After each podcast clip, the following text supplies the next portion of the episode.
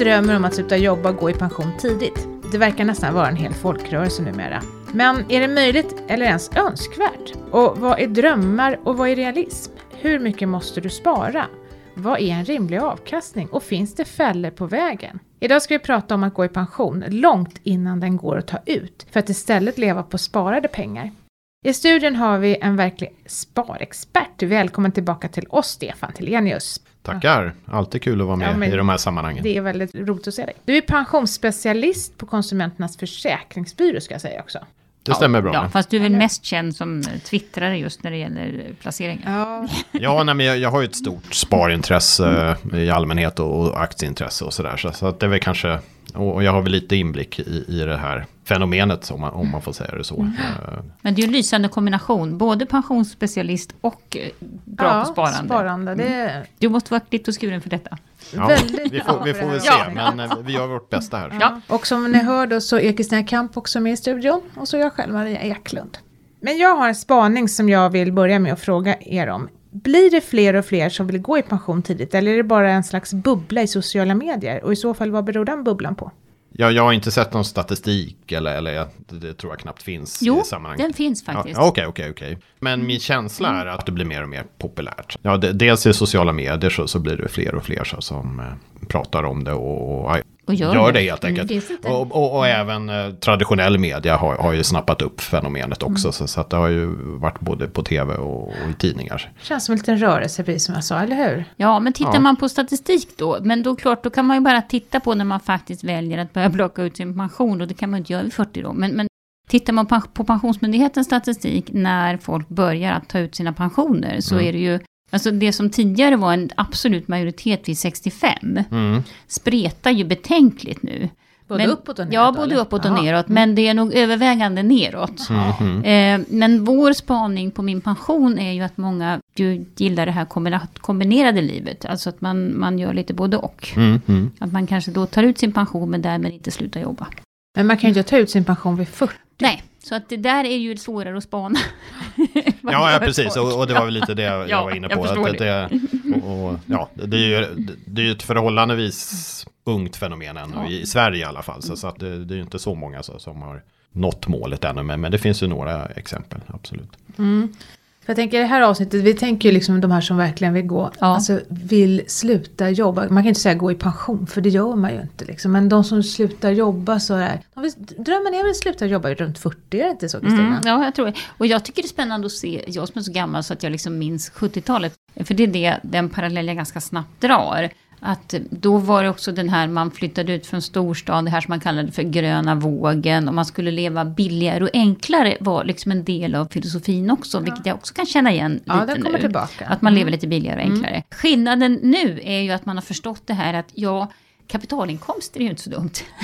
För det, det tänkte man inte på då på 70-talet. Jag vet inte om det liksom var, var någon vidare fart på kapitalinkomsterna heller. Eh, men det tror jag liksom, det är ju det som möjligen skulle kunna göra det enklare att förverkliga den här drömmen. Att man så att säga först jobbar upp ett kapital och sen lever man på det kapitalet och så kompletterar man med någonting annat. Eh, sen tror jag också att det, det förutsätter ju på något sätt också att det att det ligger i tiden att leva på det här enklare livet. Och det kan ju också vara en reaktion mot eh, hur det har varit tidigare med liksom varumärken och influencers och liksom visa upp sin rikedom och sådana här saker. Det verkar lite grann som att det är en, en, eh, en reaktion mot det också. Jag tror det finns mycket här. Mm, jag tror det är en kombination av det. Mm. Att, att dels kanske leva ett, inte enklare liv, men ett, ett liv som man, så, som man är nöjd med, men som kanske inte innebär överdriven konsumtion mm. i någon utsträckning. Och sen även den här finansiella friheten då, att, att kunna göra vad man vill. Om man vill fortsätta jobba eller om man vill sluta jobba eller om man vill kanske jobba volontärt eh, eller ja, något liknande. Och sen, sen en viktig faktor tror jag är att eh, sparandet har väl blivit lite mer lättillgängligt också. Alltså just eh, att ja. spara i aktier, ja. fonder och, mm. och, och, kostnaderna har pressats också. Så det, det och, och, sen ska man nog inte förglömma att, att det har varit en förhållandevis bra börsutveckling. Mm, sen, sen finanskrisen också, så, mm. som gör ju att, att man, man, har fått lite medvind. Mm. Även om det har varit en, en skakig resa, så, som det alltid är på börsen. Mm. Nej, men det tror jag är intressant. Och sen är det också, det har ju varit lätt att få jobb. för de flesta, alltså vill man ha ett jobb så har det inte varit liksom ybersvårt att få ett jobb. Vi har haft goda tider på arbetsmarknaden, spelar nog också roll. Man på något sätt känner att jag kan kliva av om jag vill och sen förmodligen tänker man någonstans i bakhuvudet, jag kan ångra mig. Och, och jag har också en annan spaning som känns också lite ny. Det är ju det att vi som är lite äldre är väl ändå, man associerar arbetslivet inte bara till att man går till ett jobb utan man har arbetskamrater, man liksom, det, det är en social värld kring det här med arbetet också. Och det hör jag de här unga säga att, men vadå arbetet, alltså nu är man ju ute på nätet. Nu kan man liksom ha sina kompisar där, jobbet är ju det är i alla fall inte viktigt att gå till jobbet för att få kompisar, utan de har man någon annanstans. De har man... Mm, ja, men det kan nog spela roll också i sammanhanget, absolut. Så att det, det har ju hänt grejer helt klart. Men jag som är lite tråkig då, jag tänker så här, men man är inte med på det här samhällskontraktet på något vis som man slutar jobba vid 40. Man betalar inte in skatt. Och vad händer om man blir sjuk? Alltså, man har inte varit med och betalat in till sjukvård och man kanske får barn som man vill ska gå i skolan. Man har inte varit med och betalat in pengar till, till dem. Liksom. Vad, Nej, och där, verkar, där verkar det ju finnas någon slags tanke att ja, men det är bara jag som gör så här. Mm. Eh, och man tänker nog inte att, att alla, om alla skulle göra så här, då skulle vi naturligtvis få det här problemet. Vad tänker du Mm. Ja, det Stefan? urholkas ju. Ja, man, man betalar ju skatt på olika sätt. Men, men visst, eh, vårt system hänger ju mycket på inkomstskatterna. Eh, Men sen har vi ju moms och, och kapital, kapitalskatter och, och sånt också. Så att eh, det, jag kan tänka mig att en- en del av i, eh, personer i den här rörelsen har, har nog betalat en hel del skatt innan de eh, så att säga, går i tidig pension också. Men, men visst, skulle det bli ett väldigt, väldigt utbrett fenomen, då, då, då kommer det ju bli, eh, kommunal- tvingas, tvingas bli eh, skattereformer sannolikt. Jag tänker kommunalskatter bygger ju ändå på att du betalar skatt. Ja, just det. Om du ska flytta till Lycksele och så kommer du där och så lever Ja. du på kapitalinkomster. Då Ja, blir de nog inte glada i Lycksele kommun. Du betalar lite avgifter i och för sig också till kommunen då Ja, för vissa möjligen, saker. ja. Men, men det stora, den stora delen är ju för kommunalskatt. Va? Ja, Mm.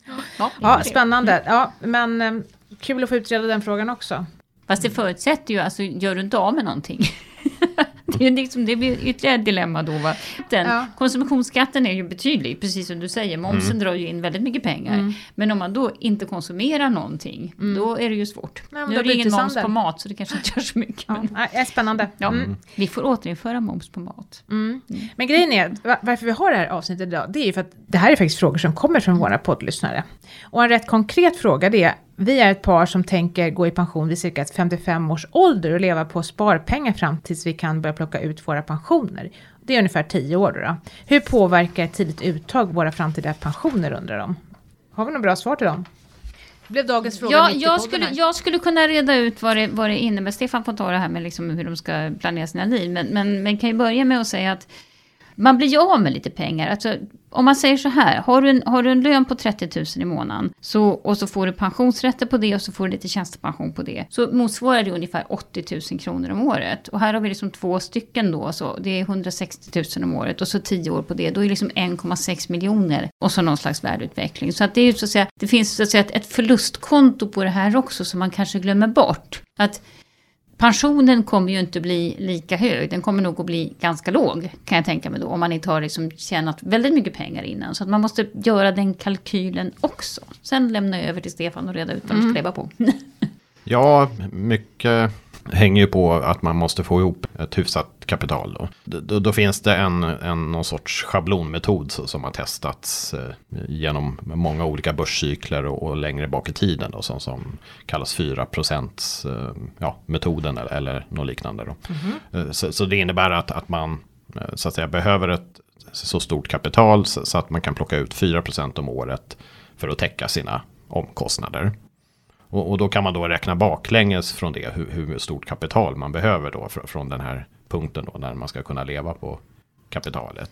Så, så om man tar ett räkneexempel då, om, om vi säger att man har omkostnader eller att man vill ha 25 000 kronor i månaden att röra sig på. Och då med, med den här 4% regeln då så skulle man behöva ett kapital på 7,5 miljon då helt enkelt. Och, och då, då bygger de här kalkylen på att man är fullt exponerad mot aktiemarknaden över tid då så att säga. Och, och då är tanken att det ska täcka upp för inflation och lite sånt.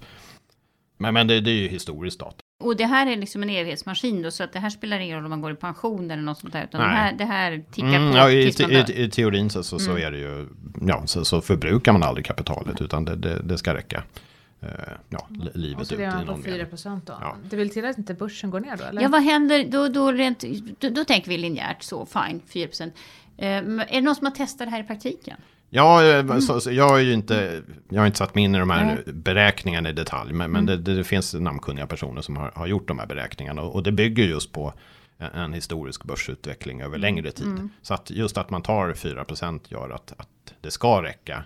Även om det går ner då? Ja, man, man ska ja. klara en eller två krascher också mm. så att säga. Mm. Så, sen, sen, kan det ju finnas extremscenarion när, när man kanske eh, får en börskrasch precis vid första uttaget. Och, och då kan det ju mm. bli eh, lite uppförsbacke om man säger så. Och det, det, är väl det som är det svåra kanske med, med den här typen av modeller. Att man måste vara exponerad mot aktiemarknaden i vått och torrt. Ja, mm. och, och liksom lita på att, att historien upprepar sig mm. i någon mening. Då. Men det här är intressant för att jag vet att när det här nya pensionssystemet, eller nya, nya, det som infördes på, i mitten på 90-talet, då så tänkte man ju också om premiepensionens utveckling och om inkomstpension. Så tänkte man någon slags 4% värdeutveckling. Och, och sen så kom ju bromsar och grejer och börsen gick ner med 30%. Och det är klart, det var ju i ett tidigt skede. Mm. För att då gjorde det lite ont där några år. Men man, kan man säga så här då, över tid så kanske det här fungerar, men man man får också vara beredd på att några år kan det vara lite besvärligt. Ja men absolut. Ja. Och, och, vill man ha lite eh, extra marginaler så, så kanske man ska räkna med att man tar ut 3,5 procent mm. eller 3 procent. För, för då, då, då har man ju betydligt vad med, behöver du för, ha för kapital då? Alltså, ja, då, då, får man ju ta, räknemodellen är ju då att, att man får ta månadsutgiften gånger 12 och, och sen, för, för då får man ju vad årskapitalet blir. Eller så att säga och leva ett år då. Och så får man dela det med den här eh, uttagsprocenten. Så istället för 0,04 då så delar man med 0,035 ja. eller 0,03. Mm. Så, så att i det här exemplet så, så blir det ju över 10 miljoner. Jag tänkte ju säga att vi pratar mer än 10 miljoner. Okej, okay, ja. då är nästa fråga. Hur får jag ihop de här 10 miljonerna? Det är väl liksom the tricky part. Ja, det... Aktiemarknaden är het. Ja, ja men ja. Jag, menar, jag är på 20 år, jag har precis gått ut gymnasiet, jag liksom, eh, ja, hur, hur ska jag göra? Ja. Är inte den första miljonen som är jobbig, säger de? Typ. Eller? Ja, ja nej, men precis. Det, det, det, så är det ju lite. Att, att eh, det, ju, kan ju ta lite tid i början att spara ihop. Men, men sen om, om man då är exponerad mot aktiemarknaden och den historiska avkastningen är ungefär i linje med vad den har varit de sista hundra åren. Eh, det har ju varit ungefär 9% på Stockholmsbörsen. Då, då, blir det ju ränta på ränta effekt till slut. Men he, hela det här eh, sparandet bygger ju verkligen på att man har disciplin. Att, att man sannolikt bör fokusera på sina utgifter i, i första hand. För, för det är de man kan verkligen påverka. Att man, att man försöker hålla så låga omkostnader som möjligt. Och då, då kan man ju spara eh, en större del av lönen och, och då, då kan det ju gå, gå lite fortare än, än annars. Och eh, ja, möjliggöra det helt enkelt. Men, men det kräver ju disciplin över en lång tidsperiod. Men jag tänker så här att om jag får ut, låt säga att jag får ut 20 000 när skatten är betald. Hur, mycket, hur länge måste jag då, eller hur mycket måste jag spara för att få ihop 10 miljoner före 40 års ålder? Oj, ja, det, den, det har du inte rätt på. Nej. den, den, har jag, in, den har jag inte i huvudet. Men, men mm. Ja, det just... låter som rätt mycket pengar. Ja, liksom nej, men då, då, då, får du nog mm. säkert nej. ligga på, på minst 15 000 i månaden. Ja. Plus ha, ha, en god värdeutveckling. Men du pratar ju egentligen också om, det här är också ett par. Mm. Eh, och ett par som då gemensamt ska leva på 25 000. Det kanske är rimligt att göra. Och det är klart, är man två så har man ju två inkomster också. Så då kanske det är Ja, precis. Då, då behöver de ju, mm, ja. ja. då får ni spara hälften var då helt ja. enkelt. Och, och, som jag minns frågan här så, så gällde det ju att de ville ja, de spara äldre, tills eh, pensionsåldern då. Mm. Så, här. så, så då, då sjunker ju det här kapitalkravet något i och med att pengarna kanske inte ska räcka livet ut så. Utan då, då ja, det är ju, det är ju den, här, den här perioden på 10-13 år beroende ja. på när de går ja. i pension. Mm. Uh, och sen, sen vill de kompensera för ytterligare pension. Så, så i deras fall kanske det blir en 5 miljoner då, ungefär. Mm. Mm. Ja. Lätt som en plätt. Ja, eh, det svåra är ju möjligen på, på, alltså vi får ju de här frågorna också till min pension. Och vi har ju faktiskt inget verktyg på min pension som hjälper till här. För att vi eh, jobbar, alltså vi jobbar ju mera med de faktiska pensionsåldrar som finns. Eh, och då ställer ju åtminstone den allmänna pensionen till det. Det är svårt att göra en prognos och vi kan inte, man kan inte så att säga göra en prognos på hur låga uttagsåldrar som helst. Så att man liksom vet om det. Ja, nej precis. Man får ju räkna lite själv på det här. Ja. Och, och sen får man väl ha, det är ju mycket antaganden så, som behöver så att vara samma under hela den här perioden. Mm. Som att, mm. att, att skatteuttaget är ungefär likartat och, och att börsutvecklingen är i linje med, med historiken och så vidare. Mm. Så, så, att man får, i, i och med att det handlar om en lång tid så får man nog vara beredd att justera sina mål lite också. Så, så, att man inte blir besviken om man inte når en, viss summa för en viss ålder. Utan att man, man, ja, man får nog se över det löpande och, och justerar efter, efter utfall helt enkelt. Men du sa 9% på 100 år per år då? Men... Ja, det, det, det, är ju, det är ju där som är det svåra. Historisk ja. avkastning är ju ingen garanti för framtida Nej, men det är ju inte ja, Hur tänker man? Jag tänker det kan ju bli en börskrasch imorgon. Men jag tänker så här, om, om, om jag sparar 500 kronor i månaden nu, eller 1000 kronor i månaden nu. Det är liksom motsvarar en viss köpkraft idag. Och så får vi eh, inflation, vilket vi väl alltid har haft i någon mån. Och då är ju frågan den här, om jag fortsätter att spara 500 kronor, hur mycket är den där 500 egentligen värd om 10 år? Måste man liksom inte tänka så också? Jo, men det måste man ju göra. Ja. Eh, så, så att, och är 4 procent tar den hänsyn Ja, ja men den, den, ska ta hänsyn till, till ja. inflation som jag har förstått det. Mm. Och, och, det är ju precis som, som vi räknar på i, i, min pension och även vi i våra verktyg också med mm. pensionsstandarden. Ja, där. fast där räknar vi ju 2,1. Ja, precis. Där räknar vi efter inflation och så vidare. Eh, ja, men i de modellerna så, så har de säkert räknat med, med en mm. 8-9 procent gissar jag. Ja. Eh, mm. Pensionsprognosstandarden är ju lite mer konservativ. Den räknar ju... 5,8. Ja, 5,8 mm. på, på blandat och ja. 6,5 på rent aktier. Ja. Men mm ja, jag, jag, kan tycka det är ganska klokt att ha ett mm. konservativt antagande ändå. Mm. Och, och sen får man väl bli överraskad på uppsidan om man får en bättre värdeutveckling. Ja, men det är väl, så. så kan jag tänka. Men sen är det också ja. så, har man fyllt 55 som det här paret. Mm. Eh, då kan man ju också fundera på, ska jag liksom tänker på alternativa lösningar här. Eh, man skulle ju kunna ta ut tjänstepensionen. För den går ju faktiskt att ta ut från 55 års ålder. Och så kan man ju leva på de pengarna också i så fall. Så behöver jag tror man... inte de vill in alla. Det kändes inte okay. så. Nej. Utan mm. nästan tvärtom, de vill ju mm. liksom se till så att de inte får sämre pension vid 65. Mm. Men kommer pensionerna holkas ur då eller? Om de går ja, 55? Det är klart, det, är klart. Ja, nej, men man får ju mindre pengar in. Det är mest ja, så. Är så alltså man får ju mindre pengar in. Så det ska man vara medveten om och det är därför det är svårt att göra en prognos på vad så att säga, den faktiska pensionen blir när de tar ut. Mm. Sen tänker jag att det finns en risk till här. Men den får man ju liksom ta höjd för och det kanske man kan leva med. Ah, man kan ju bli sjuk. Och man, mm. man får ju ingen sjukersättning så att man liksom förstår det. Att, eh, men då har man ju ett sparkapital att leva på då. Men de måste ju så att säga ha de här fem miljonerna när de är 55. Ja, de bör ha dem nu, för de är ju 55 ja, nu. Ja. ja. Ja, precis. Det, det, det, det underlättar ju eh, i alla sammanhang. Men det kanske finns något hus att sälja eller något sånt där. Det, ja. det, jag menar, då är det ju en, en realitet. Då är det ju liksom rimligt. Men då måste man naturligtvis ha någonstans att bo också. Mm. Ja, precis. Och det, det, kan ju vara ett sätt att, att nå ett sånt mål också. Att man, man ser över sina utgifter mm. in lagom, lagom inför pensioneringen och så vidare. Att, så att, mm. Eh, lyckas man hålla omkostnaderna nere då, mm. då, då, då, blir ju kapitalkravet lägre förstås. Men det här med börsen då, om vi säger att den skulle gå ner kraftigt, ska jag förbereda mig att lägga undan pengar i säkra, säkert sparande? Eller vad, vad, tycker, vad rekommenderar du som expert? Ja, men det där vet man ju inte först efteråt. Nej. Och, och rent rationellt så ska man ju helst ligga eh, fullt exponerat mot börsen över en längre tid för, för att kunna åtnjuta de här, de här, den här bra historiska avkastningen. Eh, så, så att det, det, finns ju alltid risk att man eh, säljer ur sig på botten och så missar man uppgångar. Så, så att just den här 4%-regeln, den bygger ju på att man är med i börsen i vårt och torrt. Ja. Och, så får man väl hantera eh, o, eh, börskrascher och svängningar med, med att ha ytterligare kanske en, en kontantbuffert eller mm. på ett sparkonto eller någonting för, mm. för oförutsedda utgifter. Mm. Så att man inte behöver. Så att säga göra något Nalla. i panik. Då, mm. då. Ja, för jag funderar att man ska inte så att säga ta ut, ta ut liksom en årsinkomst i taget och så ha den på ett sparkonto och så leva på den. Utan man ska, man ska hela tiden ta ut, ja, men, sälja av aktier under hand. Ja, men man kan säkert ha en, en årsinkomst i buffert, absolut. Ja, ja. Och, och, så, så, att man alltid har, har den säkrad. Mm. Men eh, stor, eh, ja, hela kalkylen bygger ju på att man, man har merparten av kapitalet på aktiemarknaden. Mm. Ja, det här blev ju väldigt spännande. Vi får väl testa. Ja, ja, det vore kul. Det finns ju för sig en massa bloggar och poddar och sånt där man, när man beskriver det här. Att det, men det är väl ingen som har hållit på särskilt länge, vad jag vet. Ja, eller beror på vad man menar längre. Men, men det finns ju några så, som har så att säga, gått i så kallad tidig pension. Så mm. Sen eh, kanske en fyra, fem år tillbaka ja. i alla fall.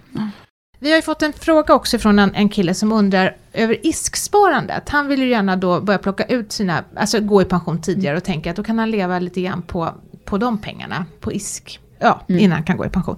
Får han pensionsrätter på de pengarna? Nej. Varför inte då? Eh, det är ju kapitalinkomster och eh, pensionsrätter betalas ju bara ut på alltså inkomster och det som motsvarar inkomster. Typ föräldrapenning och, och a-kassa och sådana här mm. saker. Så att man får inte pensionsrätter om man till exempel säljer en lägenhet eller aktier eller då den här kapitalskatten som man betalar, schablonskatten som man betalar på ISK. Man får inte heller pensionsrätter om man börjar plocka ut sin pension. Även om man så att säga betalar motsvarande inkomstskatt på pensionen också så har Skatteverket järnkoll på vad som är pension och inte. Så det blir ingen, ingen extra pension på pension. Nej, och likadant gäller då på IPS. Ja. ja. Och, och alltså, privat, ja, tar, Alla... ut, tar ut ett privat pensionssparande, då är det två saker tycker jag som är, som är viktigt att komma ihåg. Att dels, man betalar ju inte, även om det är ett privat pensionssparande så kan man tänka, ja det är väl kapitalbeskattning på det. Nej, det är det ju inte. För att grejen var ju att man fick ju dra av när man satte in de där mm. pengarna och då är det ju för att du ska betala skatt, motsvarande skatt när du plockar ut pengarna mm. istället. Så att det är inte kapitalskatt utan vanlig mm. skatt. Så man liksom betalar inte skatt då men då får man göra det när man plockar ut dem? Ja, ja. Mm. och sen det är ju samma sak där då, då med, just med pensioner att du betalar ganska mycket högre skatt året innan du fyller 66. Så att här ska man väl sätta sig ner och fundera lite grann på hur man tar ut de där pengarna också. Kan jag tycka. kanske man också ska tänka på om man vill gå tidigt då. då mm. att Ja, och det är som sagt inte pensionsgrundande. Man Nej. får inte mera pension för att man plockar ut pensionen. Det låter väl rätt logiskt. Ja, ja. Men om jag verkligen vill jobba så lite som möjligt och är beredd att leva enkelt och snålt. Har ni några bra tips? Ni sa sälja huset. Finns det något mer jag kan göra? Sälja bilen? I dessa tider när ja. dieseln är 20 kronor dyr. Eh, jag skulle möjligen vilja vända på det och säga att eh, försök att hitta ett jobb som du står ut med. Det verkar vara någon slags ångest över att man inte vill vara på de här hemska jobben som är språkiga. Jag tror att det handlar om att man inte vill vara liksom fast. Man Nej men jag säger det. Nej men då kanske man, man ska, kanske ska, ska starta något eget eller någonting ja. sånt där. Men det är klart starta eget kräver ju också ett mm. initialt mm, kapital. Mm, så det, det är ju inga lätta puckar. Sen är det naturligtvis alltid bra att lära sig att leva snålt.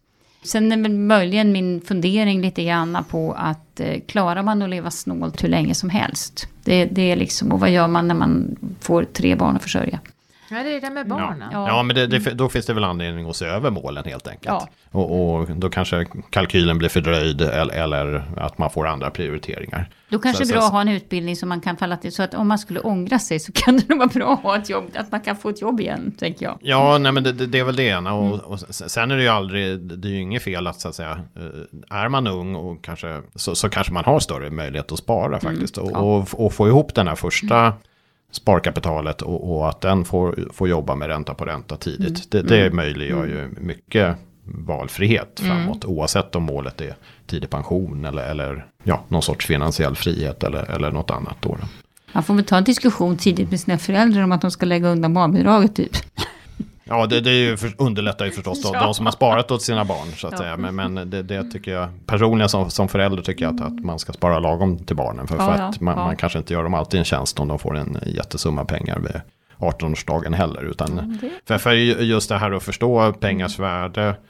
Eh, och kanske ja, och lära sig lite spardisciplin och hålla nere på mm. utgifter och kanske inte dra på sig för stora kostnader när man är ung. Då, då, då har man ju goda förutsättningar för att få större frihet längre fram i tiden. Sen får, får, man väl med sig mycket hemifrån också. Alltså jag tror att det, det är liksom hur man har levt som barn präglar väl ganska mycket hur man lever som vuxen också. Lär man sig att spara för att man liksom har sparat hemma. Mm. Det är kanske den tjänst man kan ge sina barn. Jo, nej, men det, det tror jag. Sen, sen, kan det ju finnas tilltalande delar att, eh, i det här att, att man konsumerar mer medvetet också. Det är ett sätt att hålla nere kostnader. Hur tänker du då? Spara medvetet, eller så, konsumera medvetet? Nej, men man kanske kan eh, leva lite mer lokalt. Ja. Så att säga. Då, då kanske man klarar sig utan bil. Ja. Att man, man har en... Man bor liksom mitt i... Ja, man, man, bor i ett läge där man kanske kan cykla, cykla till och från och sådär. Så, ja. så att det finns ju mycket... Och nära affär. Ja, så, så, sånt som både sparar kostnader plus uh, ökar häl hälsotillståndet ja. eller, eller motsvarande. Då lever man länge också. Ja, ja. Det är en jättebra kombo. Precis. Fast, fast, jag ser ändå en fara i, alltså jag som alltid vill ha, som är som en räv, jag vill ha flera gryt. Jag tror ändå att den här kombinationen, att kanske ha åtminstone ett jobb, låt säga att du kan hoppa in som undersköterska eller, eller liksom någonting sånt där, så att du har den möjligheten när det skiter sig. Jag tror att det är trygghetsskapande också. Istället mm. för att du liksom måste sitta där och räkna med dina Excel-ark hela tiden och liksom vara orolig för att ekonomin inte ska hålla. Eller när du tvingas säga nej till dina barn för att ja, du får inte åka på det här fotbollslägret för liksom ungefär det, det, det ingår inte i vår planering. Det, då är det väl ganska skönt att ha något att falla tillbaka på tänker jag. Mm. Ja absolut. Det, det, man, man bör väl ha, ha, så många dörrar öppna som möjligt tror jag, så, så länge som möjligt. Alltså det är därför jag tänker mig att, att ja okej, okay, du kanske kan bli deltidspensionär vid 40, men jag är inte säker på att man ska bli heltidspensionär vid 40. Jag tror att det är liksom min, min fundering. Man ska ha lite dörrar öppna. Ja, eh, man har ett ganska långt liv efter, även efter 40 och det, man kan ju ångra sig som sagt. Ja, och, och jag tror, mm. ja, det, det, finns ju olika de, delar av den här sparrörelsen. Och, jag tror de flesta strävar nog efter finansiell frihet i mm. första hand för att kunna förverkliga drömmar eller, eller projekt eller liknande. Och, och det kanske är en färre andel så, som så att säga eh, lever ett lugnt pensionärsliv från 40. Mm. Men, men det, det återstår väl att se helt enkelt. Ja men det får vi se. Nej men jag tycker att det är jättespännande att vi har den här, om jag säger lite grann motrörelsen mot det där tidigare. Att man liksom skulle maxa allting. Man skulle liksom bli så oerhört rik. Man skulle, alltså det är ganska, känns ganska skönt att vi har fått den här reaktionen någonstans. Ja, precis. Det, det, det ju... Och den hänger väl lite grann ihop med klimatrörelsen och sådär också. Att ett, ett, ett, så att säga, enklare, hållbarare liv. Och mm. att, det, att det blir trendigt. Mm, mm. Ja, men det, det är tilltalande i, mm. i sammanhanget tycker jag också. Hoppas att trenden håller i sig länge. Fast jag undrar igen, också en, en sån här lite stillsam fråga. Eh, det här paret då, vad händer om det skiter sig? De skiljer sig. De är så gamla nu. Herregud, skilsmässa vid 60 är det nya. Jaha, är det så? ja, Oj. Ja. Jag menar den här kalkylen bygger åtminstone, om man är två då och har en familj då, alltså då man, ska man lägga in en sån här skilsmässoklausul i det Ja, då, då, får man nog räkna om lite helt ja. enkelt. Men, men eh, det, det, är väl bra att, att man kanske eh, tar höjd för det rent juridiskt ja. i alla fall och delar upp eh, pengarna i den mån det går. Mm. Du menar när de börjar gå hemma där och så kommer de Ungefär, ja. känna sidor av varandra som de inte tycker om.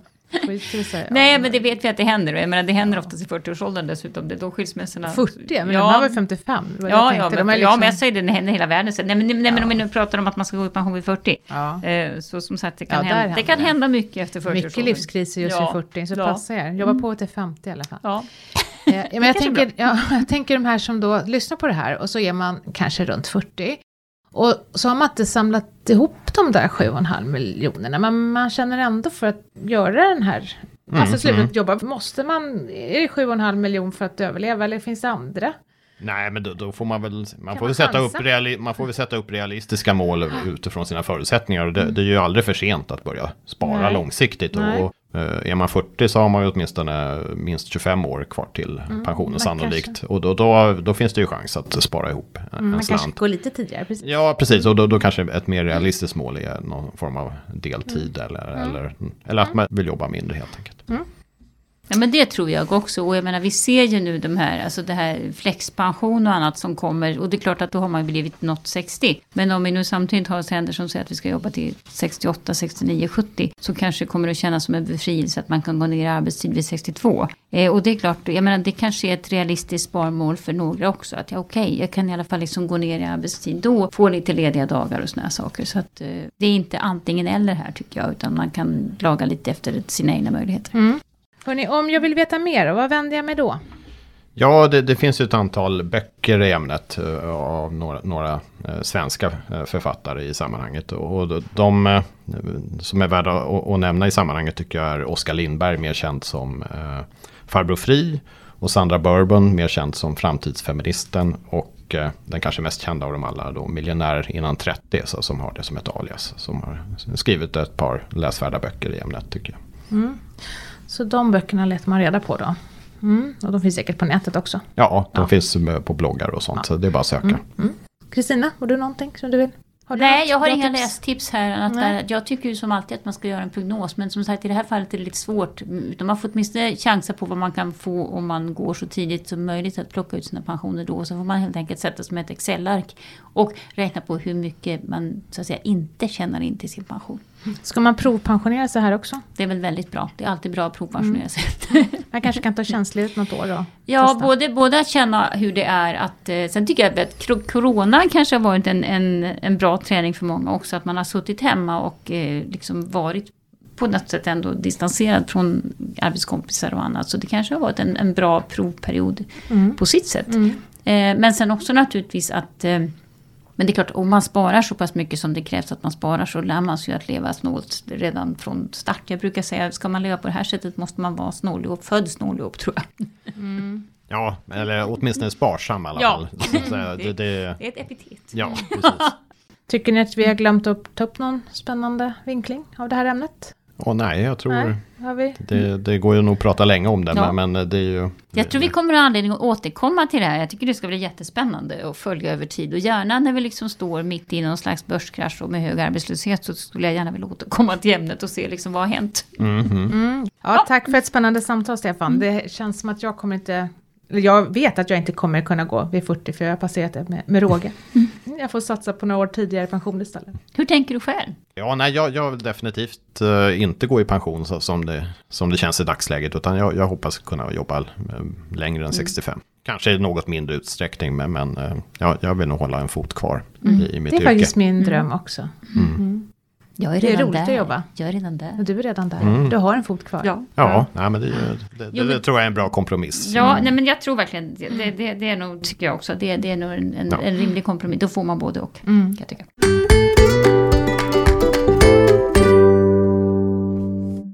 Vi fick en fråga på Twitter från en indisk gästarbetare. Han var här i Sverige i 18 månader och jobbade. Och nu vill han ha ut sin svenska pension för att placera den i på sina konton i hemlandet istället. Går det undrar han?